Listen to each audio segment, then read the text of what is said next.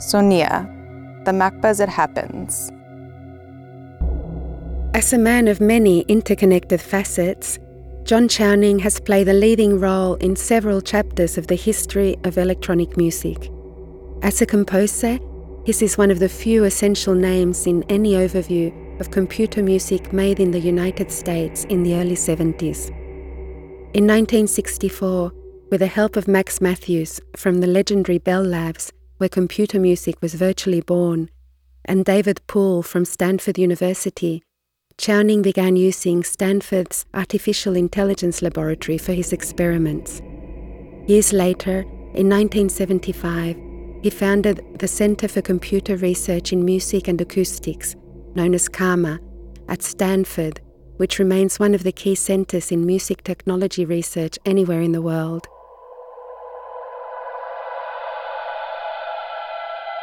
Lastly, in his role as developer, Chowning is the inventor of FM synthesis, the technique that revolutionized the world of synthesizers and the sound of electronic music in the 80s.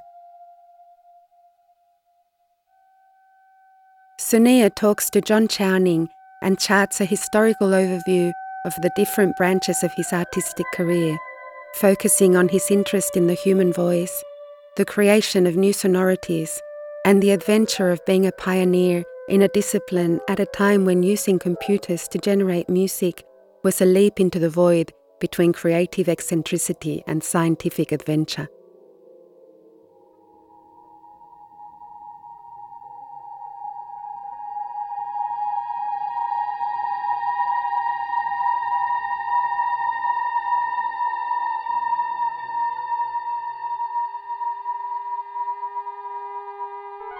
Musicians, I think, have a particular sensitivity to listening inside of sounds. Every child who learns an instrument spends hours and hours practicing the fine detail of making sounds, whether it's connecting notes on a piano or getting a, a acceptable tone on a violin or a wind instrument. But they work very, very hard and for much time on these fine details. But maybe your question can go back one step. Why do musicians become musicians? And uh, much before I became uh, involved heavily in music, I was curious about environments like walking and playing in caves in the region of which I grew up, which was in the mid Atlantic states finding a cave where one shouts and you hear the reflections of your voice must be something that goes back in our deep history, reminding ourselves that the only context where early humans would have heard dense echoes would be in caves. So, my early interest, I say my self awareness of being sensitive to sound was was this experience in shouting in, in cavernous sorts of environments. In the natural state or in a church, although that's discouraged by the adult world, but I'm sure every child who goes into a big cathedral and hears the voices would like to shout out. So, this childlike desire to animate the world in which we live is maybe what leads some of us to music and musical training. But it's rigorous and it's very difficult. I think that there are few violinists who would become great violinists had they begun it in teenage years, because already it's too late. The ear's sensitivity to obnoxious sounds, which is inevitably the case when the first bow stroke touches a string, uh, that's a sound which you know our maturing ears reject, but young children are able to tolerate that, thinking about some higher goal, which is to play like a virtuoso, perhaps, or some some model for which they have an image and or an experience or that they would like to emulate. So listening inside of sounds, I think, is part of musical training. And maybe our school system can encourage that kind of hearing, way of hearing. My whole contact with music was not through the family, but rather through the school system. So from early on, I enjoyed experimenting with sound. I became a drummer when I was maybe about 12 years old. And uh, a drummer has two sticks and a membrane in the simple case, but uh, with very little expense, one can acquire a cymbal or two, another membrane, maybe a kick drum, and all of a sudden one has a, a little universe of possible sounds that depend upon tapping and position of tap, the force of tap. And drummers very seldom have the access to a group. I mean, within a week, maybe you have band practice two or three times a week, or but most of the time is is spent by oneself, and experimenting with sounds is perhaps a natural part of that experience and something which I did. So when I became more educated musically and more sophisticated, this inquiry into how music works became a kind of uh, obsession when I first made contact with the possibilities of computers. Because of the abstract nature of computer programming, the fact that that musicians seem to be able to learn to program computers with some ease, maybe because music representation is a long way from musical sound. When you think of notation, the complexity of staffs and dynamics and symbolic representation and how that gets translated into sound, that's pretty complicated process. And uh, because it's a representation of something that's physical and real, maybe computer programming, which is also a symbolic representation of things that are physical and real in many cases. It's an easy transfer of intellectual or thought capability to learn to program. So it was a wonderful thing when I, without ever having seen a computer before at age 28, when I read Max's article, to realize that uh, with some good instruction and careful thought by the teaching assistants and, and the, that I could learn to program. It was a liberating experience. And so translating that into an experience of making sound or processing sound became, as I said, an obsession. I just couldn't get enough of it. It was openness, the things that I could imagine.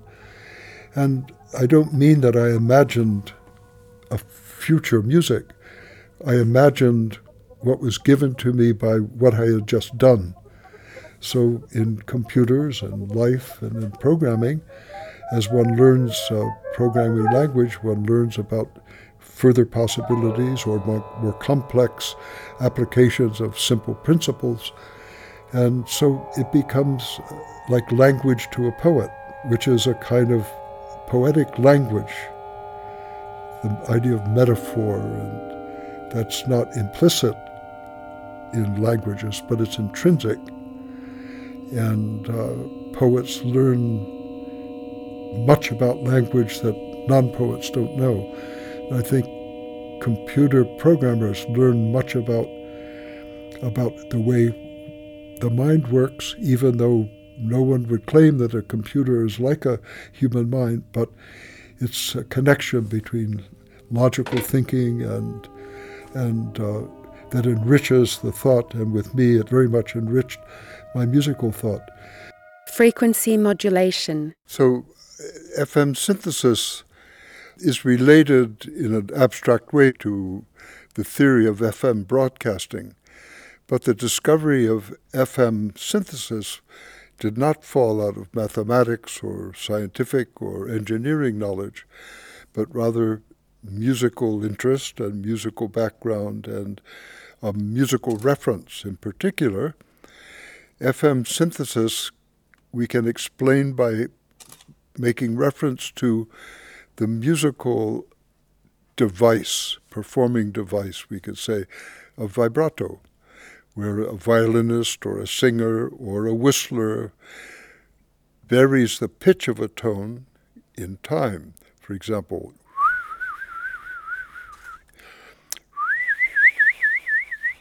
so that is a very special case of frequency modulation because I'm modulating the frequency of my whistle pitch by changing the vibrato depth and rate. So with computers, we have no limit. That is, I can make a very simple, pure tone and then make the vibrato extreme, so not at the rates of musical vibrato, but much greater and much greater depth. So the limit of my own whistle would be somewhere. So that's vibrato. But if we could keep that that the progressions such that I could make it faster than much faster than I can whistle, at some point it becomes not a change in pitch that we hear, but a change in timbre or tone quality.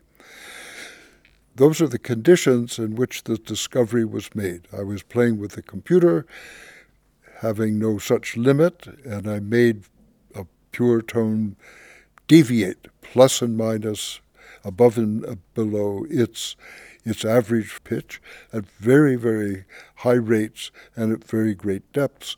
And I discovered that what I was hearing was a very complex tone that could change in time. So this tone had internal dynamism that it, like it, I could make tones, for example, that sounded like a changing vowel, ooh, that kind of sound, but done with only two simple oscillators, which in the day and still was a very great economy in compared to the methods of making synthetic tones.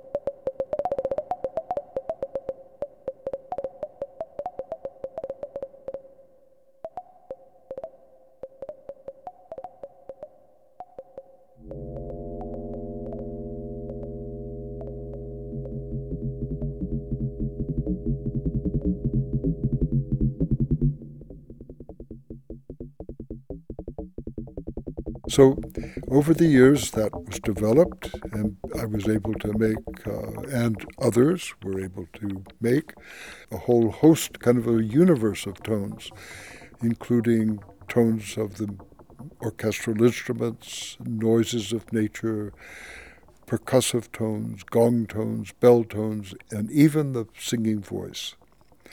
So this technique of frequency modulation synthesis was maybe a kind of perverse use of a well known technology which was used in broadcast FM radio, where one modulates a simple tone but at very, very high frequencies in the megahertz. And one has to have a receiver to demodulate, to retrieve the original music or speech or sounds that were that were broadcast. So in this case, I used the undemodulated waveforms themselves, where the frequencies were all in the audio band, that is below 20 kilohertz, say, 20,000 cycles per second. And uh, it proved to be and remains the most economical way to produce complex tones that have a kind of internal dynamism which is so attractive to the ear.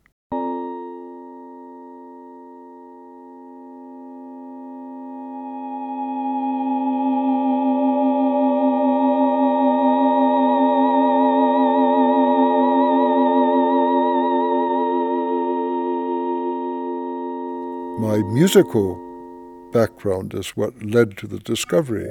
I was interested in what I was hearing, and I was interested because my my mind's ear was hungry for complex tones. In 1960s, it was very difficult to produce interesting tones, and so my mind's ear pushed me to pursue this in a way that uh, had no boundaries as a function of education.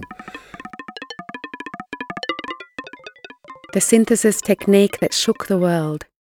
The discovery of FM led to uh, immediate consequences in my own musical life, the way I imagine sounds, the idea that with very few controls, let's say we in FM there there are just a handful of things that one changes, but the consequence of a change can be enormous in differentiated timbre.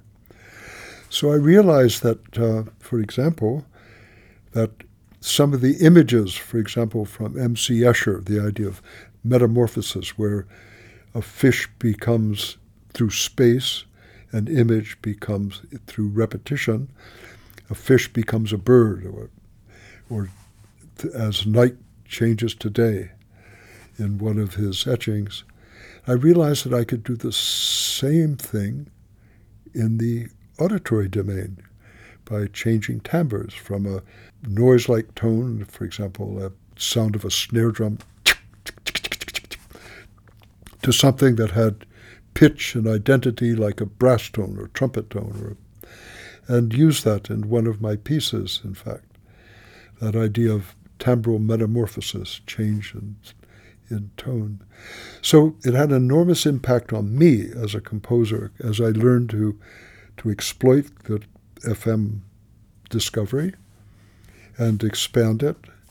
And uh, then in the early 70s, I think in 70, 1972, an engineer from Yamaha passed by, and uh, he, unlike previous visitors from the music industry, Hammond engineers and Lowrey and Wurlitzer, the, the, the organ manufacturers of the day, he understood digital domain. He understood digital representation, the sampling theorem that Claude Shannon had first defined in, in 1948.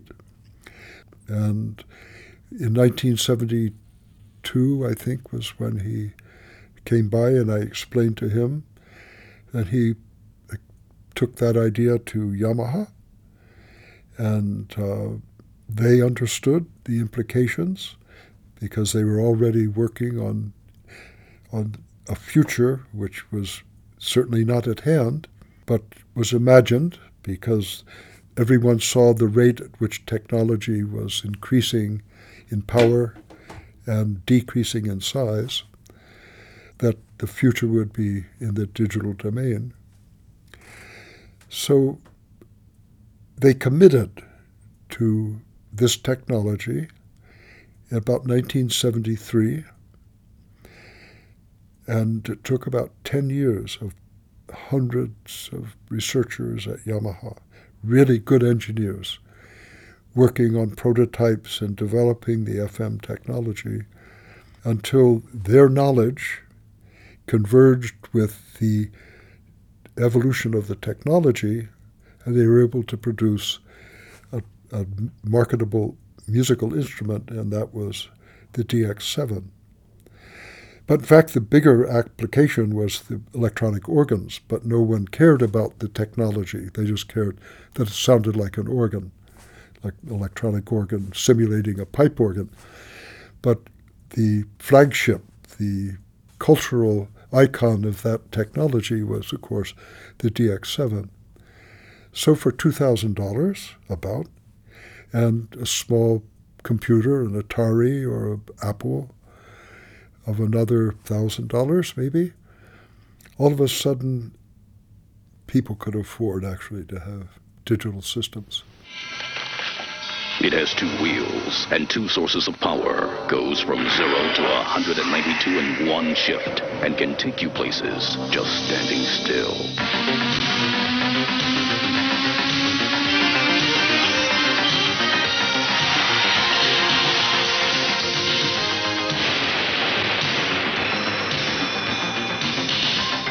The Yamaha DX100 synthesizer. Anything's possible. From artificial intelligence to computer music. And the people, the scientists and engineers at Bell Labs, Bell Telephone Laboratories, in those years, uh, I've often said it was, and acknowledged that it was the greatest concentration of scientific engineering brain power on Earth in those years. I mean, we think of what came out of Bell Labs from the communication theory, the whole idea of the sampling theorem, which is central to every mobile device for which we, with which we listen, talk, and communication satellites, the laser, I mean, endless aspects of our modern day life which were discovered and developed there. They were very open. They weren't the fearsome men in the white coats that so that often frightened me to death because they claimed exclusive knowledge. But these scientists and engineers were not so. They were very open when they saw what was what this meant and encouraged its uh, development. John Pierce, who is the father of communication satellites, he's the one who said to me when I played some of these examples, he said, patent it. And Stanford did, patent the, uh, patented the idea. So he was the John Robinson Pierce, a great engineer scientist at Bell Labs, was the person who had the insight to protect Max Mathews in his work at Bell Labs in using computers to generate musical tones or generate sound. So they were unusual scientists. Not all are like that, but uh, that group was especially insightful and, and sensitive to the arts. Thank goodness. Human voices, computer voices. So the early interest of uh, using synthesizers and the use of them to model or simulate common instrument tones, or orchestral instruments, etc. There were two kind of trajectories. One was research, which is uh, what I was part of, and the idea of, for example, simulating a bell tone or the human voice is driven by the idea of understanding in detail how the perceptual mechanism works. Now, if you have a target tone that's well formed, well understood, then there's a way to judge success or what one is changing in relationship to the resultant signal and how close it is to the one of this general category, say, of a brass tone or a human voice. So, using the target tones of natural occurring sounds was a way to advance research because we had gained such deep understanding about what was critical to the auditory system for the aspects of sounds, for example, naturalness. We knew that periodic vibrato,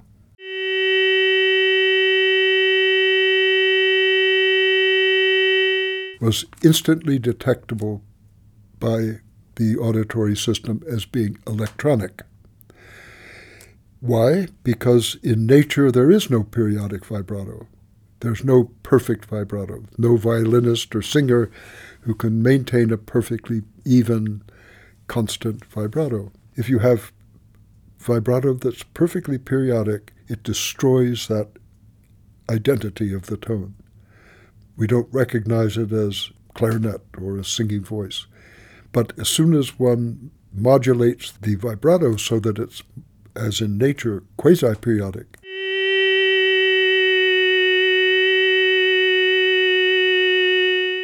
close to periodic but not quite, then the signature of the instrument or timbre becomes apparent.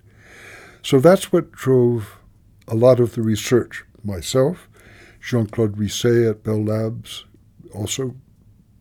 And we were also often attacked by, by the modern music world for reaching back to past musical experience.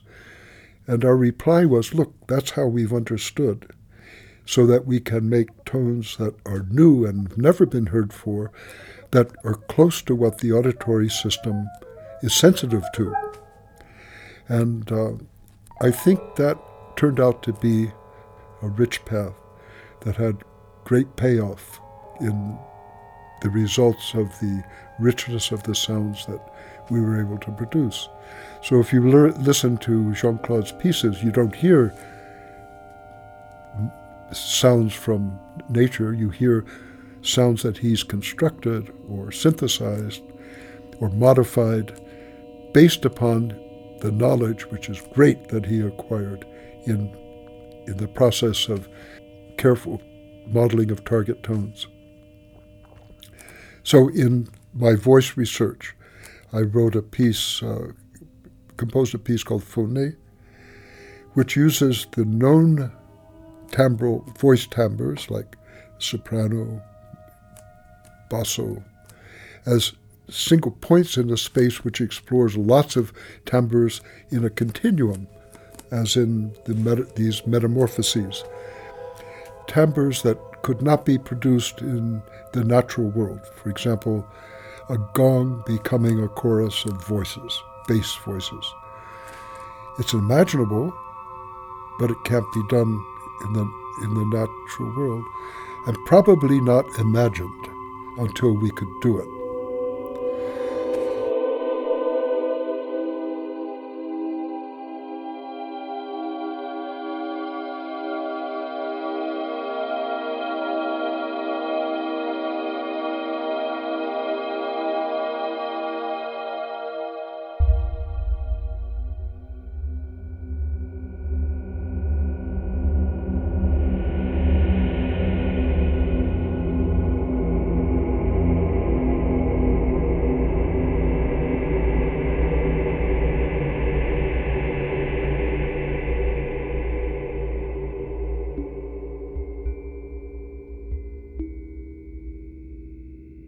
So that's one aspect, one of the kind of uh, paths that was taken. The other was driven by commerce. It was less expensive for movie producers, TV producers, to hire one person who had a bank of synthesizers who could simulate the string sound or the whatever sound was desired by the authors of a TV program or a, of a film than it was to hire an orchestra and a soundstage or musicians and recording the, the, the expense of the musicians, the recording, etc. So it bypassed a whole process. So commercial music was vastly changed, but to the day, as you probably know, there's no there are few films that are ever made with real soundstage orchestras, or most of them are made by people with synthesizers and samplers and processors.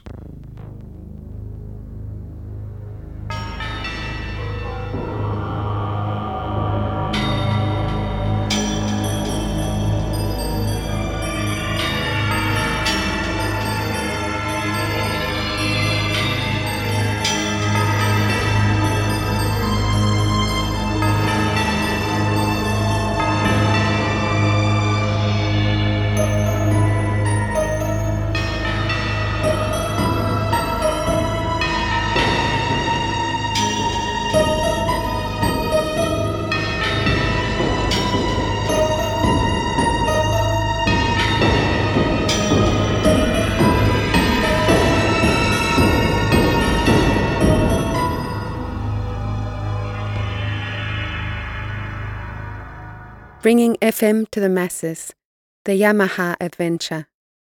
My experience in my many visits to Yamaha was very limited to helping them debug, that's find errors, and voice prototype instruments in the form of breadboarded technology, not implemented in large scale integration, but just large racks of, of components and a keyboard and a, a video screen with which I could control some of the parameters. But I never, for example, saw a DX7 or touched one at Yamaha. The first DX7 that I ever saw was after my wife Maureen and I came from a cinema. We stopped to have a beer in a local restaurant cafe, and the piano player, who was an entertainer, beckoned me to the piano and said, Look, look what I have. And he began playing the DX7, which was sitting on his grand piano. And uh, he said, This is the Yamaha DX7. Do you know about it? I said, Well, I certainly know the sounds. So then he, he showed me the, how it worked and what it looked like. But the interface I had never seen at, at, at Yamaha. Probably 20 visits in 10 years or something. So, you know, in what, which times I would go for maybe a week or 10 days and do work, work, work, nothing but work with the engineers who were developing and learning to voice the instrument. But until that moment, I had never seen one, which is curious. There were things that I that were very powerful that I had done. For example, the singing voice, which was one of the probably most surprising and of the successes with FM synthesis what we call and what I call or we call spectral modeling. Um, that was never implemented, and it should have been. But what happens is that the technology has a certain window in time, and if it isn't exploited in that window, then then time has passed by, and in this case, memory became computer memory became so inexpensive that it was simpler just to record things. So we had sampled sounds rather than synthetic sounds. And when, with sampled sounds, you get what you get. In synth- synthesis sounds, you get lots of surprises. So there was a big difference, kind of the more imaginative and, and exciting part of this medium for a while, or maybe still, I don't know, kind of descended and became overwhelmed by the needs of commerce, which were we want a string section, we want a woodwind, so you just record them because memory was so cheap. And most uh, applications of the instruments are trying to replicate the sounds of, of studio orchestra or studio combo or something.